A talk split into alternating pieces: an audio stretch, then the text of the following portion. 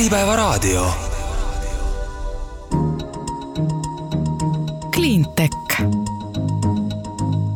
Tere, head Äripäeva raadio kuulajad.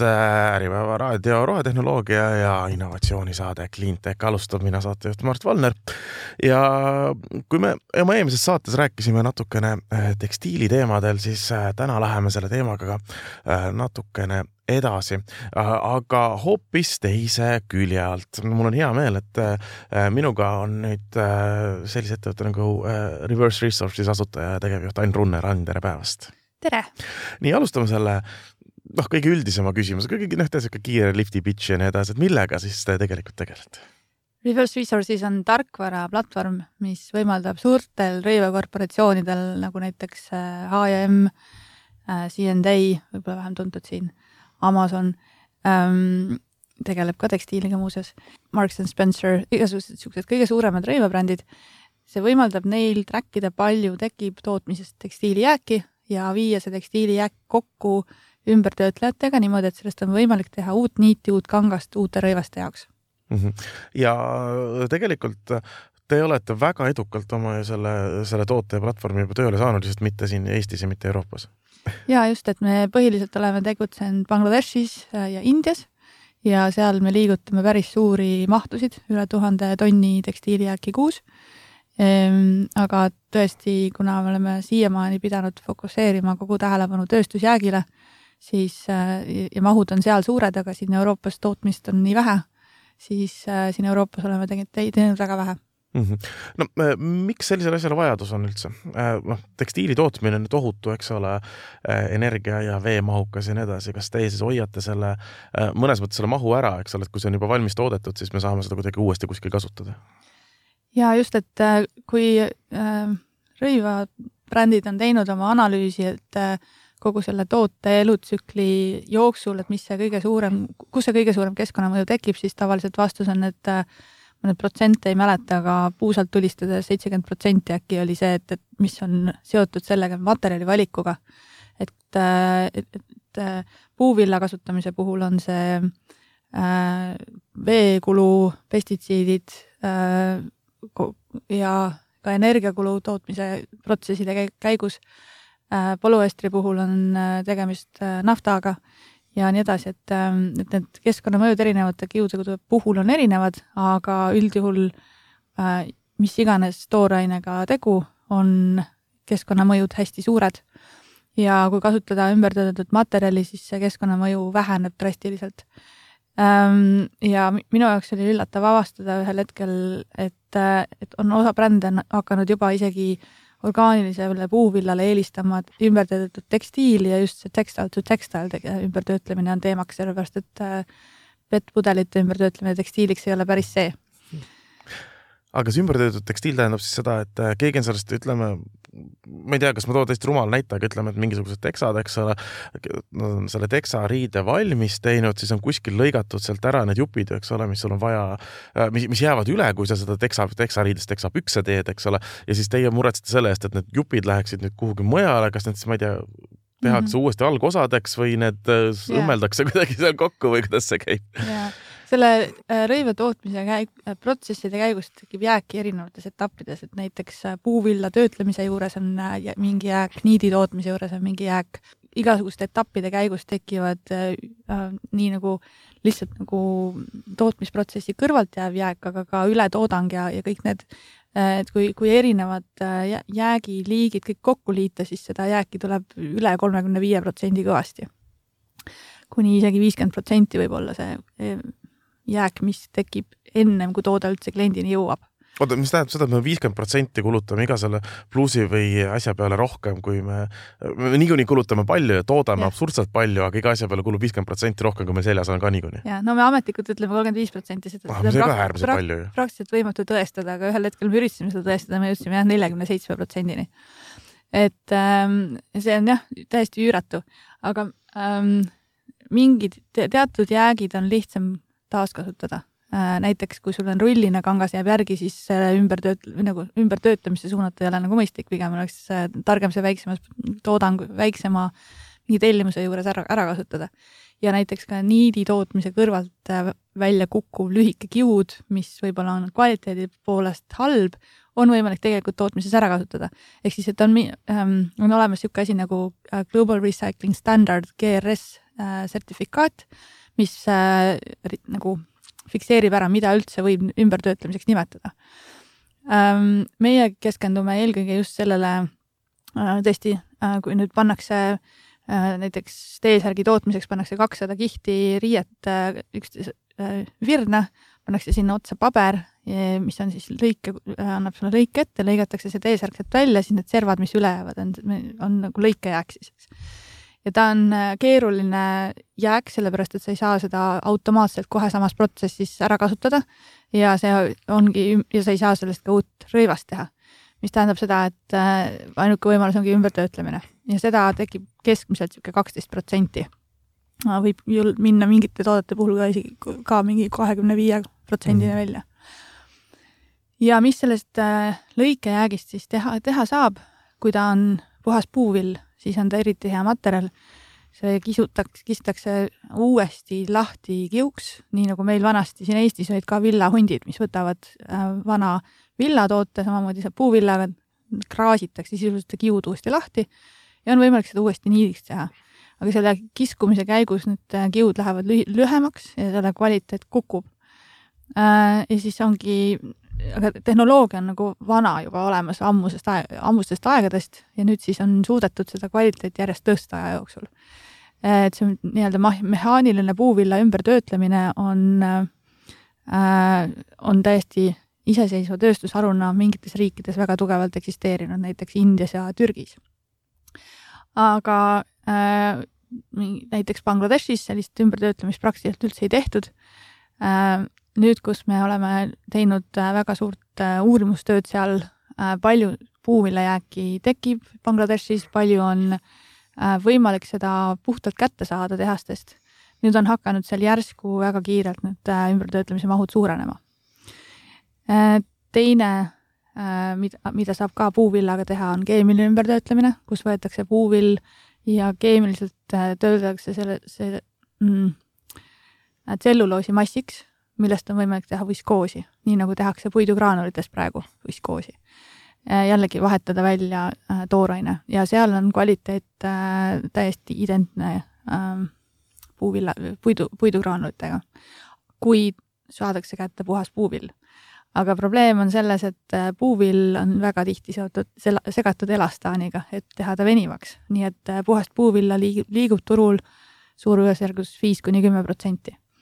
ja teiste segumaterjalide ümbertöötlemise tehnoloogiad on alles sellised laborifaasis või esimesi piloottehaseid ehitamas. et äh, nende tööstusmahtudeni jõudmisega läheb veel aega. ja kuni see äh,, kuni, kuni see ümbertöötlemise turg toimub ainult äh, puuvilla peale, seal on, see on see, mis pidurdab teatud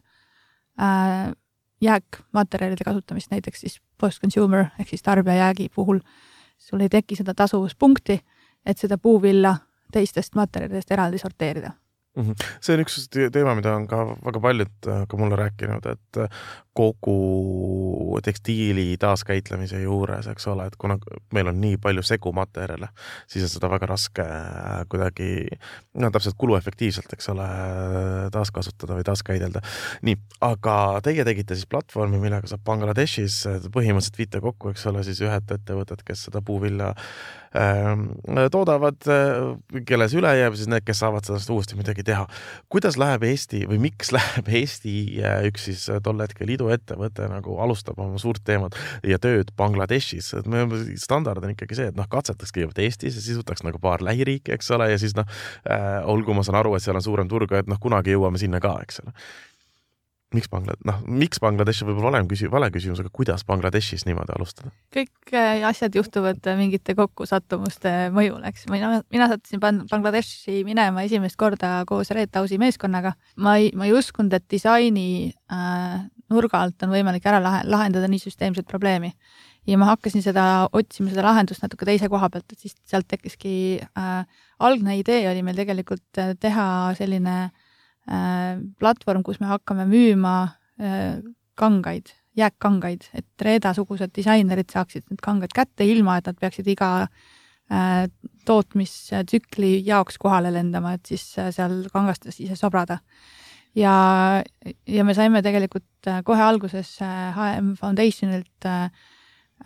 toetust, mis pani meid vestlusesse HM-iga ja sealt me tegime piloodi nende kui suurema brändiga ja me saime aru, et et seal on nii palju selliseid äh, ärilisi pingeid suurklientide ja tootjate vahel, et äh, see lahendus, mida me ehitasime, see ei olnud, ühesõnaga me ei suutnud seal leida seda kohta, kus kolmanda osapoolega väärtust pakkuda. niimoodi, et see asi ka käima läheks. Aga selleks ajaks me olime juba väga palju õppinud, kuidas äh, need, äh, kuidas tehased mõtlevad, näinud seda, leidnud selle probleemi selle ümbertöötlemisega ja siis me ühel hetkel tegime pivoti mm. -hmm võtsime fookuse ümber töödeldavale jäägile. ja siiamaani on teil sellega hästi läinud? jaa, ta on olnud, see võtnud päris kaua aega, sellepärast et äh, tavalised ärimudelid ühel äril peaksid olema nii, peaks olema nii lihtne, et sul on, keegi ostab midagi ja keegi müüb midagi. Ja me alustasimegi sellisest nagu võimalikult lihtsast lahendusest, et mis oleks, kui ümbertöötleja lihtsalt ostab tehasest äh, jääki ja that's it siis me saime aru, et see päris nii lihtne ei ole, sellepärast et äh, ümbertöötlejal on vaja nii suuri koguseid äh, ja ta ei taha jageleda iga tootjaga ükshaaval, sest iga tootja annab sulle väikeste portsude kaupa. ja sa ei suuda ette ennustada, palju sa kust saad. ehk sinna vahele oli vaja ikkagi seda vahendajat, kes selle koguse kokku kogub ähm, ja ka ühe korra veel üle kontrollib et noh, mis see muudatus, mis me tegime, oli see, et ümber tehas, tehased hakkavadki lõikelaua kõrval kohe sorteerima. Mm, mis muidu tavaliselt ei juhtu, tavaliselt lükatakse kõik kunn ühte kotti kokku, põrandalt natukene muud sodi ka ja siis antakse see mis iganes kõik prügi korraga mingisugusele jäätmekäitlejale. et, et see oli esimene muudatus, et hakkab lõikelaua kõrval seda puuvilla eraldi hoidma aga et, et siis ikkagi on vaja, kuna sinna ikka satub mingit valet värvi niiti või paberitükke või midagi muud sisse, siis keegi peab selle kvaliteedikontrolli tegema. osad ümbertöötajad teevad seda ise, aga, aga eriti ekspordi tellimuste puhul ei, on ikkagi kedagi vaja. aga kas teil on siis Bangladeshis oma suur äh, ladu- ja sorteerimiskeskus ja, ja nii edasi või? ei, meie oleme ikkagi täielikult tarkvaraplatvorm, et mida me tegime, oli see, et me võtsime needsamad Äh, sorteerijad, kes alati seda tööd on teinud ja ütlesime neile, et nii, muudame nüüd teie ärimudeli ära. selle asemel, et teenida raha äh, selle jäägi hinna pealt, et ostad kallilt ja müüd oda-, osa, ostad odavalt ja müüd kallilt, selle asemel äh, paku meile teenust. ja tegelikult nad teevad sama asja, mis nad alati tegid, aga nüüd on see läbipaistvus või nähtavus äh, tehasest ümbertöötlejani otse läbi platvormi ja me garanteerime selle, et maksimaalselt on üks vahemees vahel, sest muidu oli seal vahel mingi neli-viis vahendajat. igaüks tahtis raha. et, et selle võrra läks kogu see materjali et, et, ettevalmistus palju odavamaks ja kvaliteet tõusis märkimäärselt, märkimisväärselt. nii, aga nüüd on meil platvormil kolm osapoolt, tehas, vahendaja, ümbertöötleja. ja siis tekkis probleem, et tehastel küll tekkis, nad saavad rohkem raha selle jäägi pealt aga nende jaoks on päeva lõpuks see ikkagi lisategevus ja neid väga ei huvitanud see, et hakata mingit sorteerimist tegema, et see protsessi muudatus on piisavalt suur pingutus. ja meil oli vaja siis hakata suurte brändidega uuesti koostööd tegema, et, et tekiks nõudlus suure kliendi poolt, et sa pead mu jäägi sorteerima eraldi ja selle ümbertöötlejale andma. ja siis nii oli meil neli osapoolt platvormil, pluss meie ise oleme viiendana veel, nii et meie ärimudel, sellepärast on hästi keeruline. aga kas neid suuri brände oli kuidagi lihtne äh, nagu sihuke onboard ida, et äh, teha neile selgeks, et selline jätkusuutlikum äh, lahendus on teie jaoks ikkagi kasulikum ja olulisem ja, ja te peate seda tegema? siin me olime sõltuvad, sõltuvad sellest, mis toimub turul üldiselt, see mindset või mõt-, mõttelaad, et meil on vaja ringmajandusele üle minna, see pidi juhtuma ikkagi nagu turul laiemalt ja ma arvan, et siin on, oleme tänuväärt äh, sellisele organisatsioonile nagu Global Fashion Agenda,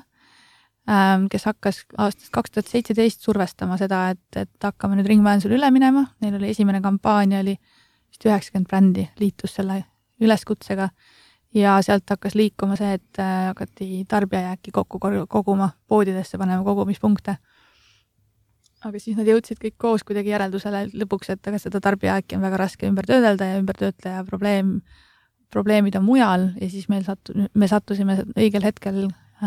Global Fashion Agenda, GFA, nendega dialoogi ja alustasime siis koos Bangladeshis projekti, kus me kuts-, tegime ka üleskutse suu-, nagu äh, rohkemate brändide hulgas, sest brändid ükshaaval ei tahtnud ka lii-, nagu tegeleda sellega otseselt.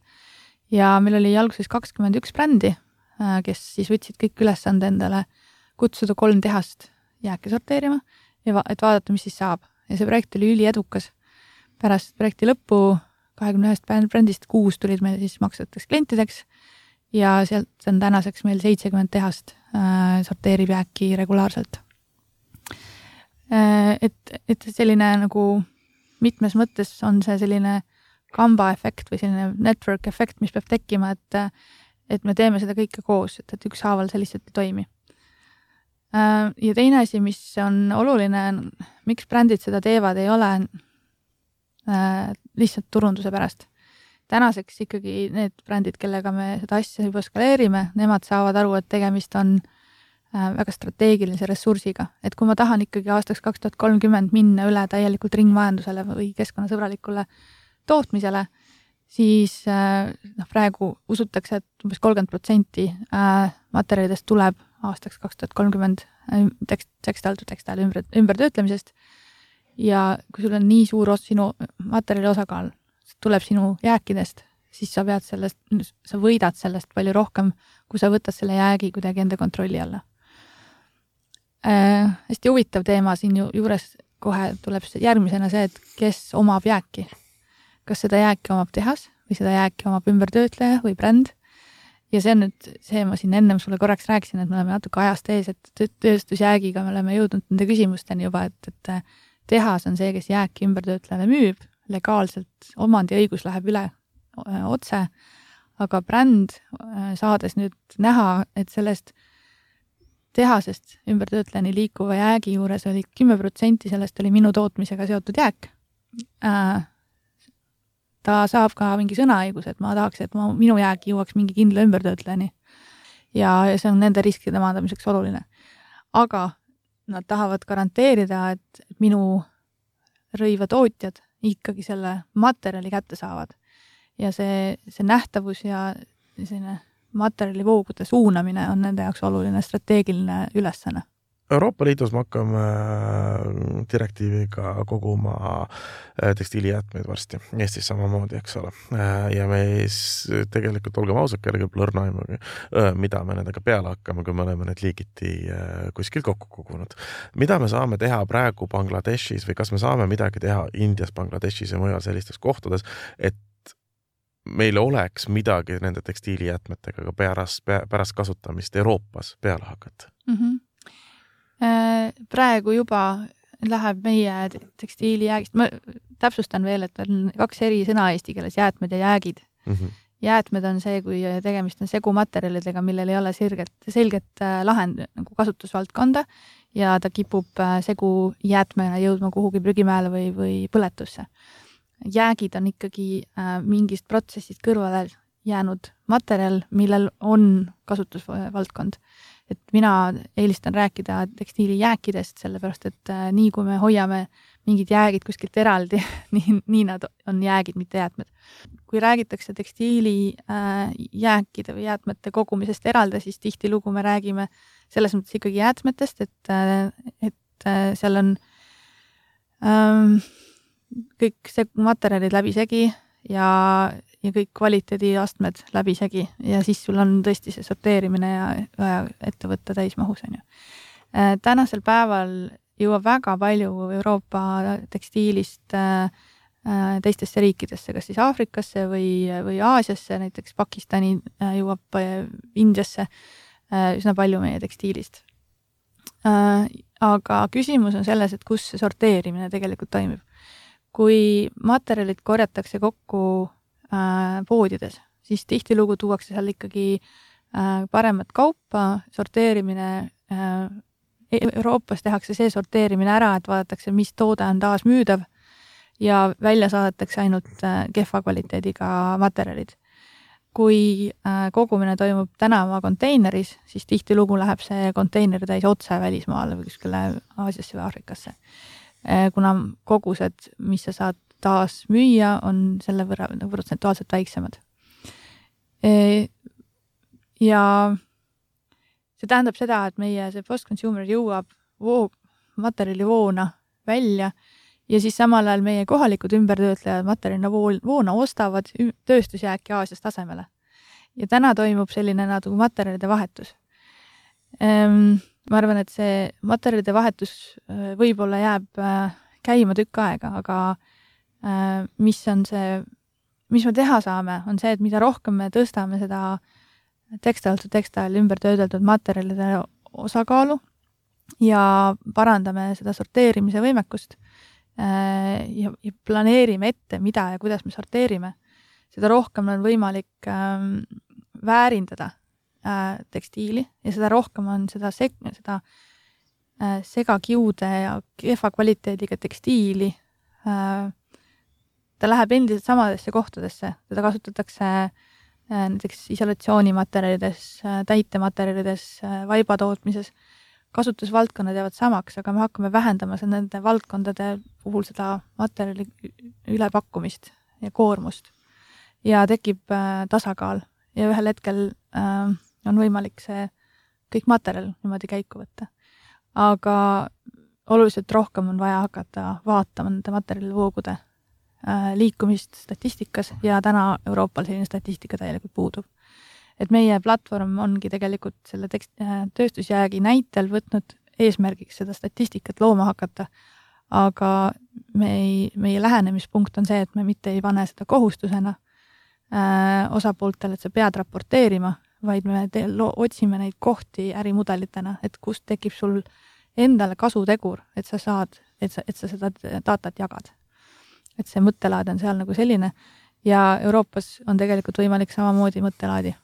ni- äh,, nihutada sellesse, et otsida neid kasutegureid. Ain Runnel, aitäh täna tulemast ja edu teile ja ma loodan, et te saate siis ikkagi selle Euroopa laienemisega ära teha, sest et äh, nii palju, kui mina olen inimestega rääkinud, ma saan aru, et tekstiili äh, üleküllus või tekstiiliprügi on üks suuremaid probleeme, millega me tegelikult peame hakkama, ütleme, lähimal kümnendil tegelema ka üleüldse äh, prügimajanduses või jäätmekäitluses. Aitäh! Cleantech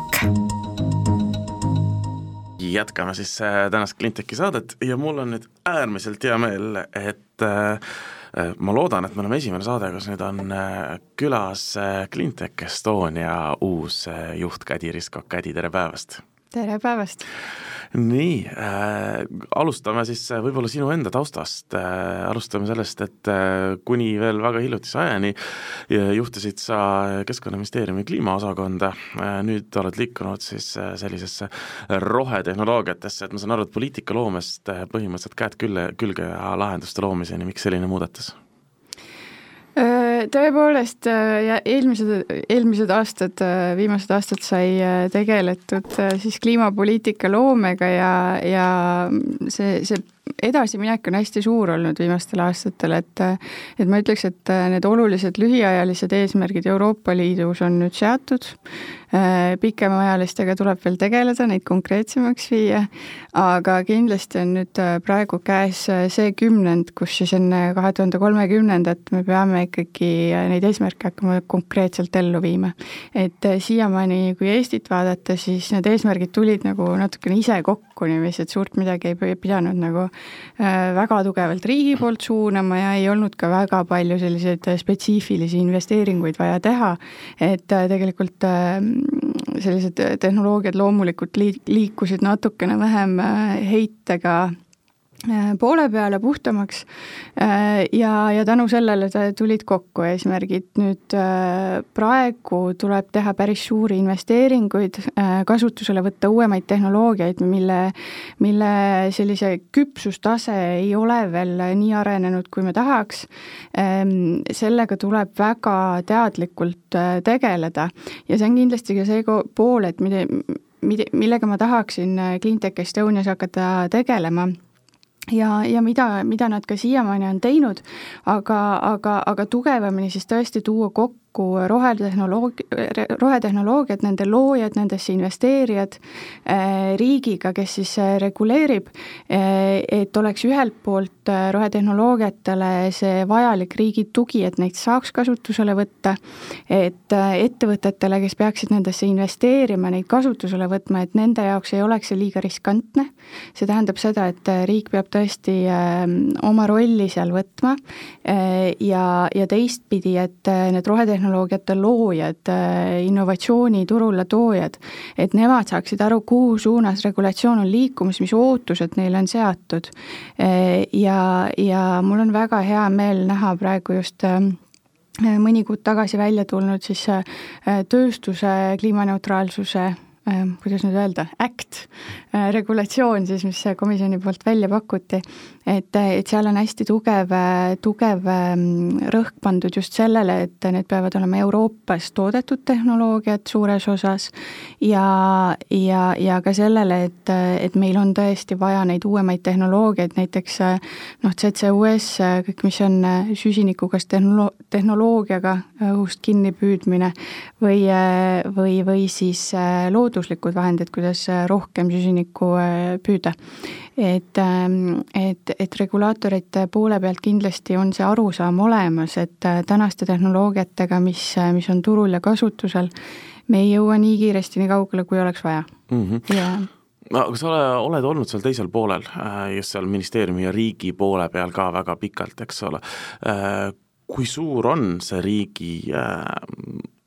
kuidas ma ütlen, mitte ainult võimekus, aga soov tulla vastu nendele samadele Eesti iduettevõtetele või Eesti ettevõtetele, kes tahavad katsetada, kes tahavad paremaid asju teha, sest riik peab panema,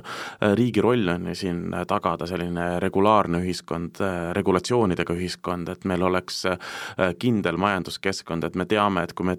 kui, kui ettevõte vähendab oma süsiniku jalajälge, ta saab selle eest midagi, teda ei karistata selle eest ja nii edasi ja nii edasi. kui palju äh, on riik valmis vastu tulema praegu nendele ettevõtetele? Mulle tundub, et see toetamissoov on olemas, sest äh, vajadus on olemas. Ehm, kindlasti äh, Eesti ajalooliselt ei ole see kõige sekkuvam riik olnud, pigem on olnud selline vabaturumajandus ja, ja raha liigub omasoodu õigesse kohta ehm, praegu kindlasti ei ole see tõsi, et seda ei liigu piisavalt kiiresti, piisavalt palju äh, rohetehnoloogiasse ja üldse roheinvesteeringutesse. ja, ja selle jaoks peab riik mõnevõrra ikkagi andma sellised äh, noh, kas piitsa või präänikut, on ju, präänik on alati äh, parem variant, aga kui muud moodi ei saa, siis ka piitsa. Ehm, aga, aga mulle tundub, et see tahe on olemas, võib-olla mis, mida võiks nüüd kiiresti riigi poolt tekitada, on tõesti selline selgem arusaam, et erinevates äh, majandusvaldkondades, et millised need võimalused on äh, siis noh, nii-öelda rohestada. Ja, ja millised tehnoloogiad täna on olemas, millised juba on võimalik lihtsalt investeerida ja ja, ja seda pangaga siis äh, rahastada ja millised tehnoloogiad on need, mida, kus Eesti võiks tekitada endale mingi oma niši Äh, arendada ja, ja ka väljaspoole Eestit äh, pakkuma hakata, kus võib-olla nad täna ei ole veel äh, kulude poolest konkurentsivõimelised, aga, aga homme võiksid olla. et, et siin tuleb natukene pikem perspektiiv võtta ette, vaadata, et kui meil riigina eesmärk on transpordis nii ja nii palju vähendada heitgaase, siis kuidas me sinna jõuame, mis on juba olemas ja mida meie teadlased, meie startup'id oskavad lisaks pakkuda et äh, täna on kindlasti, ähm, kui me vaatame investeeringuid, siis, äh, siis noh, raha on turul natukene kokku kuivamas, aga see osa, mis läheb rohe, rohetehnoloogiatele, on üha kasvamas ja päris kiiresti, see tähendab, et seal on tõsine vajadus olemas, täna raha ei lähe enam sinna, kus on selline pigem nice to have, et, et raha läheb sinna, kus on vaja ja, ja kus on see nii-öelda äh, market case olemas siis. Mm, et, riik saab kindlasti äh, seal osaleda äh, noh, erinevate siis äh, meetmete ja regulatsioonidega, et, et sinna me peaksime nüüd päris kiiresti jõudmagi aga mis see pikaajaline plaan on, mida praegu näiteks äh, rohetehnoloogia valdkonnas või Cleantech Estoniaski äh, vaadata, kas on, kas pikaaegne on kaks tuhat kolmkümmend, kui me tahame, mis on meie esimesed äh, nii-öelda mingisugused landmark'id või, või Eestil või on kaks tuhat kolmkümmend viis või kaks tuhat viiskümmend või kui, kui pikk on see pikaajaline plaan, mida te vaatate praegu? Ma ütleks, et kaks tuhat kolmkümmend on pigem selline keskpikk äh, plaan, et kaks tuhat kolmkümmend vaates äh, me pigem skaleerime neid tehnoloogiaid, mis on juba olemas äh, ja viime neid soodsamaks, laiemasse kasutusse, seal, seal me räägime tõesti sellisest transpordisektori elektrifitseerimisest, Äh, asjadest, mis on täna juba äh, praktiliselt, äh, praktiliselt hinnaga võrdsed siis nende suurema heitega alternatiividega. aga kui me vaatame pikemas perspektiivis, siis kaks tuhat nelikümmend aastaks me peame juba kasutusele võtma kindlasti noh, näiteks TAK tehnoloogia, see on see siis otse õhust süsiniku kinnipüüdmise tehnoloogia näiteks ja, ja taolisi asju, mis tegelikult täna on noh, täiesti pilootfaasis alles. et, et seal tuleb päris palju katsetada ja seal, seal riik, riik peaks siis tõesti ära tuvastama ja, ja noh, siin on, siin on, on ka Cleantech Estonia abiks, et mis meil Eestis on arendamisel ja, ja, ja mida me saaksime võimestada, et, et Eestis ähm, Äh, katsetada, esimene turg luua nendele asjadele ja vaadata, kuidas me saame neid ka eksportima hakata tulevikus. et äh, järgmise paari aasta jooksul kindlasti Euroopa Liit hakkab äh, seadma enda kaks tuhat nelikümmend aasta kliimaeesmärke. Need saavad ole, olema veel ambitsioonikamad kui need, mis me äsja oleme vastu võtnud ja, ja, ja nende saavutamiseks meil on vaja neid tehnoloogiaid, mis täna on ülikoolides põhimõtteliselt. et, et mõtleme selle peale ja, ja, ja mis on tõesti, ma tulen jällegi tagasi sinna äh, tööstuse degar-, dekarboniseerimise act'i juurde siis, äh, mis nüüd välja pakuti komisjoni poolt, äh, seal on väga toredalt toodud, minu arust tõesti tänuväärne, et nad tõid välja sellised mm, kriitilised tehnoloogia kategooriad Äh, mis siis, äh, mis siis saavad olema võtmetähtsusega. ja, ja seal on, äh, seal on nii neid asju, mida tuleb skaleerida, kõik, mis puudutab akusalvestust, taastuvenergia tootmist, vesinikku näiteks, ähm, ja, ja samas ka need asjad, ähm,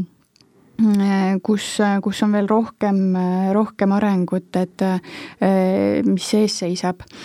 muidugi seal on üks, üks küsimus, mis võib-olla Eestis ka nüüd on hästi oluline ette võtta, et, et kas, kas me näeme tuumaenergiat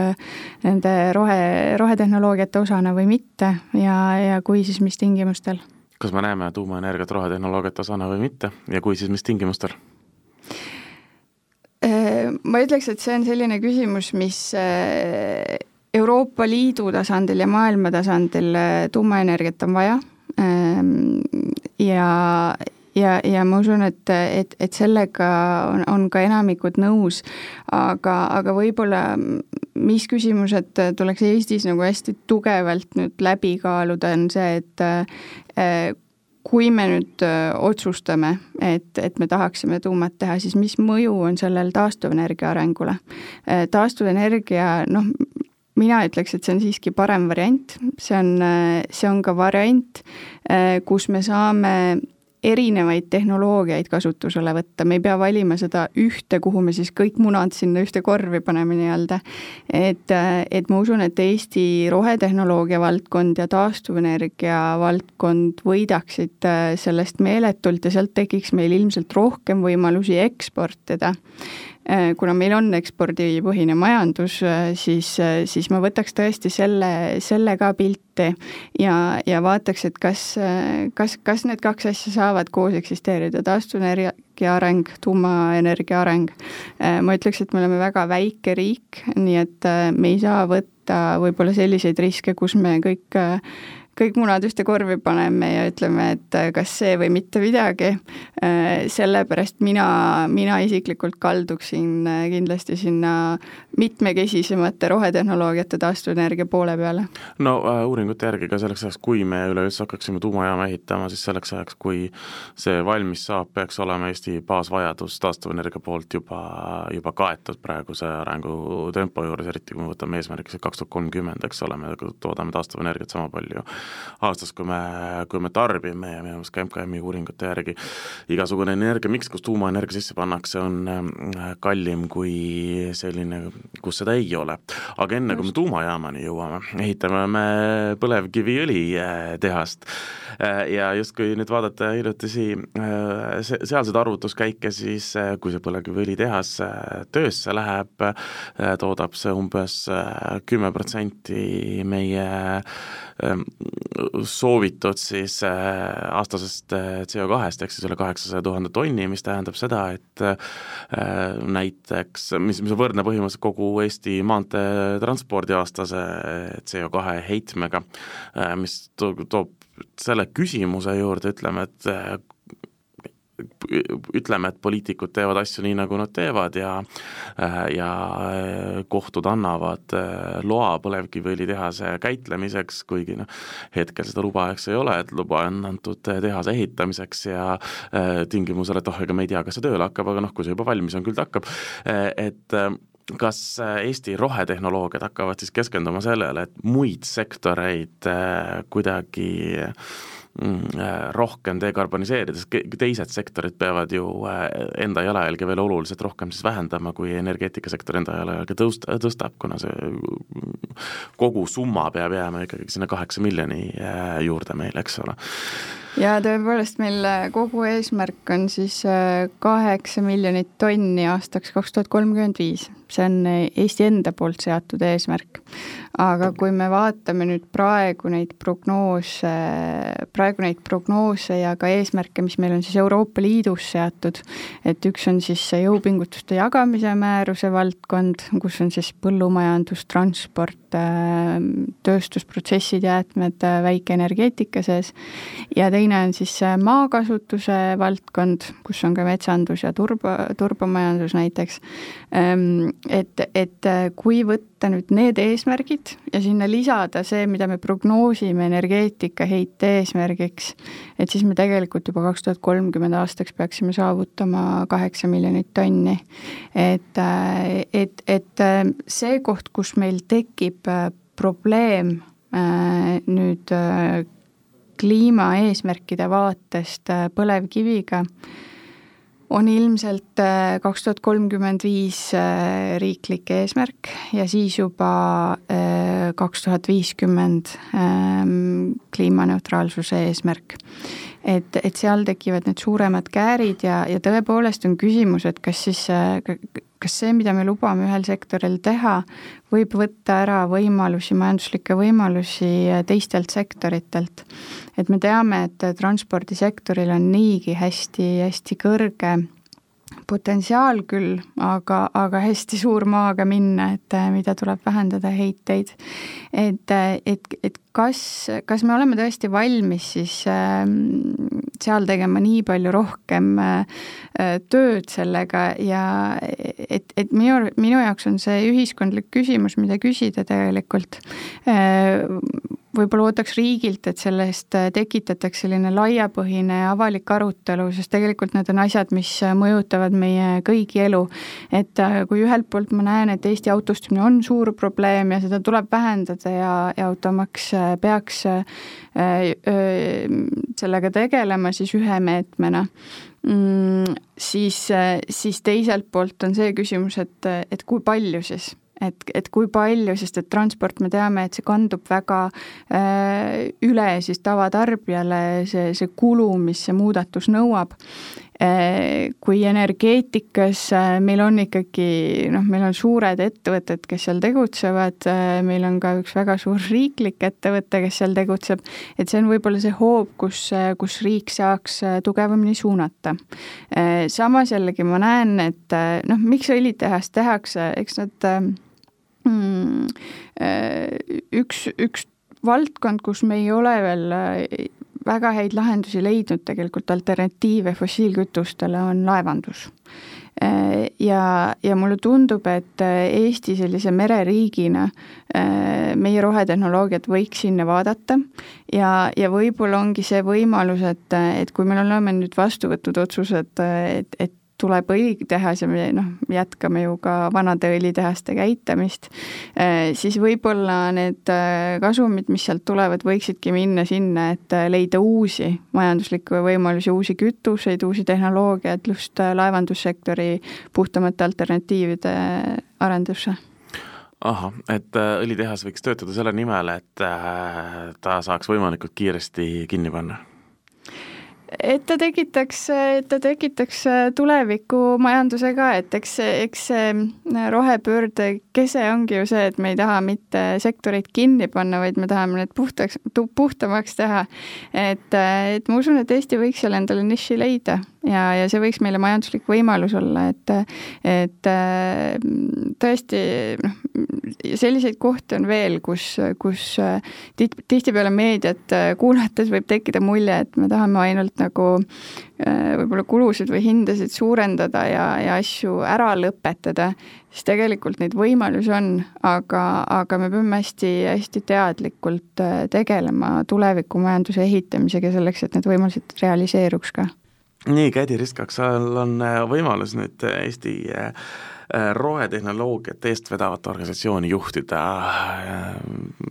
ütleme, järgneva, järgnev määramatu tulevik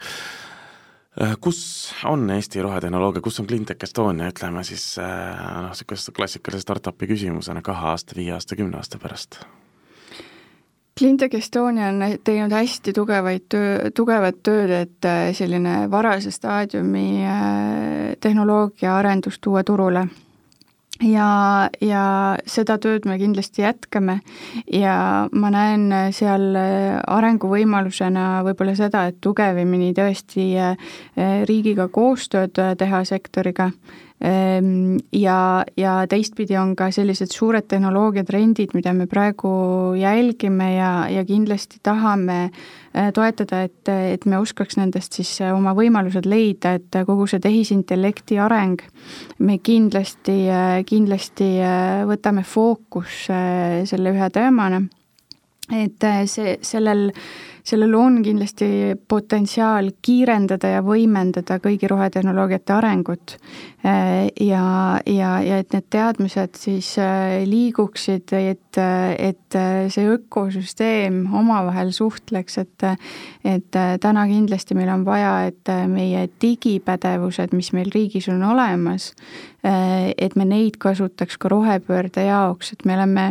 mm, me oleme seadnud üheks riiklikuks sihiks tegelikult kaksikpöörde elluviimine, digirohepööre. Äh, aga ma julgeks täna öelda, et see ei ole väga hästi veel sisustatud. Ähm, meil on, äh, meil on juba päris palju startup'e, kes sellega tegelevad, aga, aga ma arvan, et seal võiks ka olla süsteemsem lähenemine, et kus on võimalused, kus me, kus ja kuidas me saame seda ka promoda väljaspoole, et, et tõesti need lahendused, mis meil luuakse, need vastaksid siis nii turu kui regulatsiooni ootustele ja, ja et neid saaks ka finantseerida et selleks tegelikult on huvi, huvi olemas, eelmine nädal just käisime Latitude viiekümne üheksal, minu jaoks oli esmakordne kogemus, nii palju nii särasilmseid ja, ja ja tõesti väga pädevaid inimesi tehnoloogia valdkonnas olid koos. Äh, seal oli inimesi igast maailma nurgast ja, ja meilt käidi küsimas äh, selle, kogu selle andmepoole kohta, et kuidas, kuidas siis rohetehnoloogias saame seda kasutada, et et ma usun, et seda, seda tuleks nüüd väga tõsiselt hakata ikkagi mm, jah, sihti seadma seal valdkonnas väga hea ja ka edu sulle sihi seadmisega. Kadi Riskak, Cleantech Estonia juhatuse tegevjuht, aitäh täna tulemast! aitäh!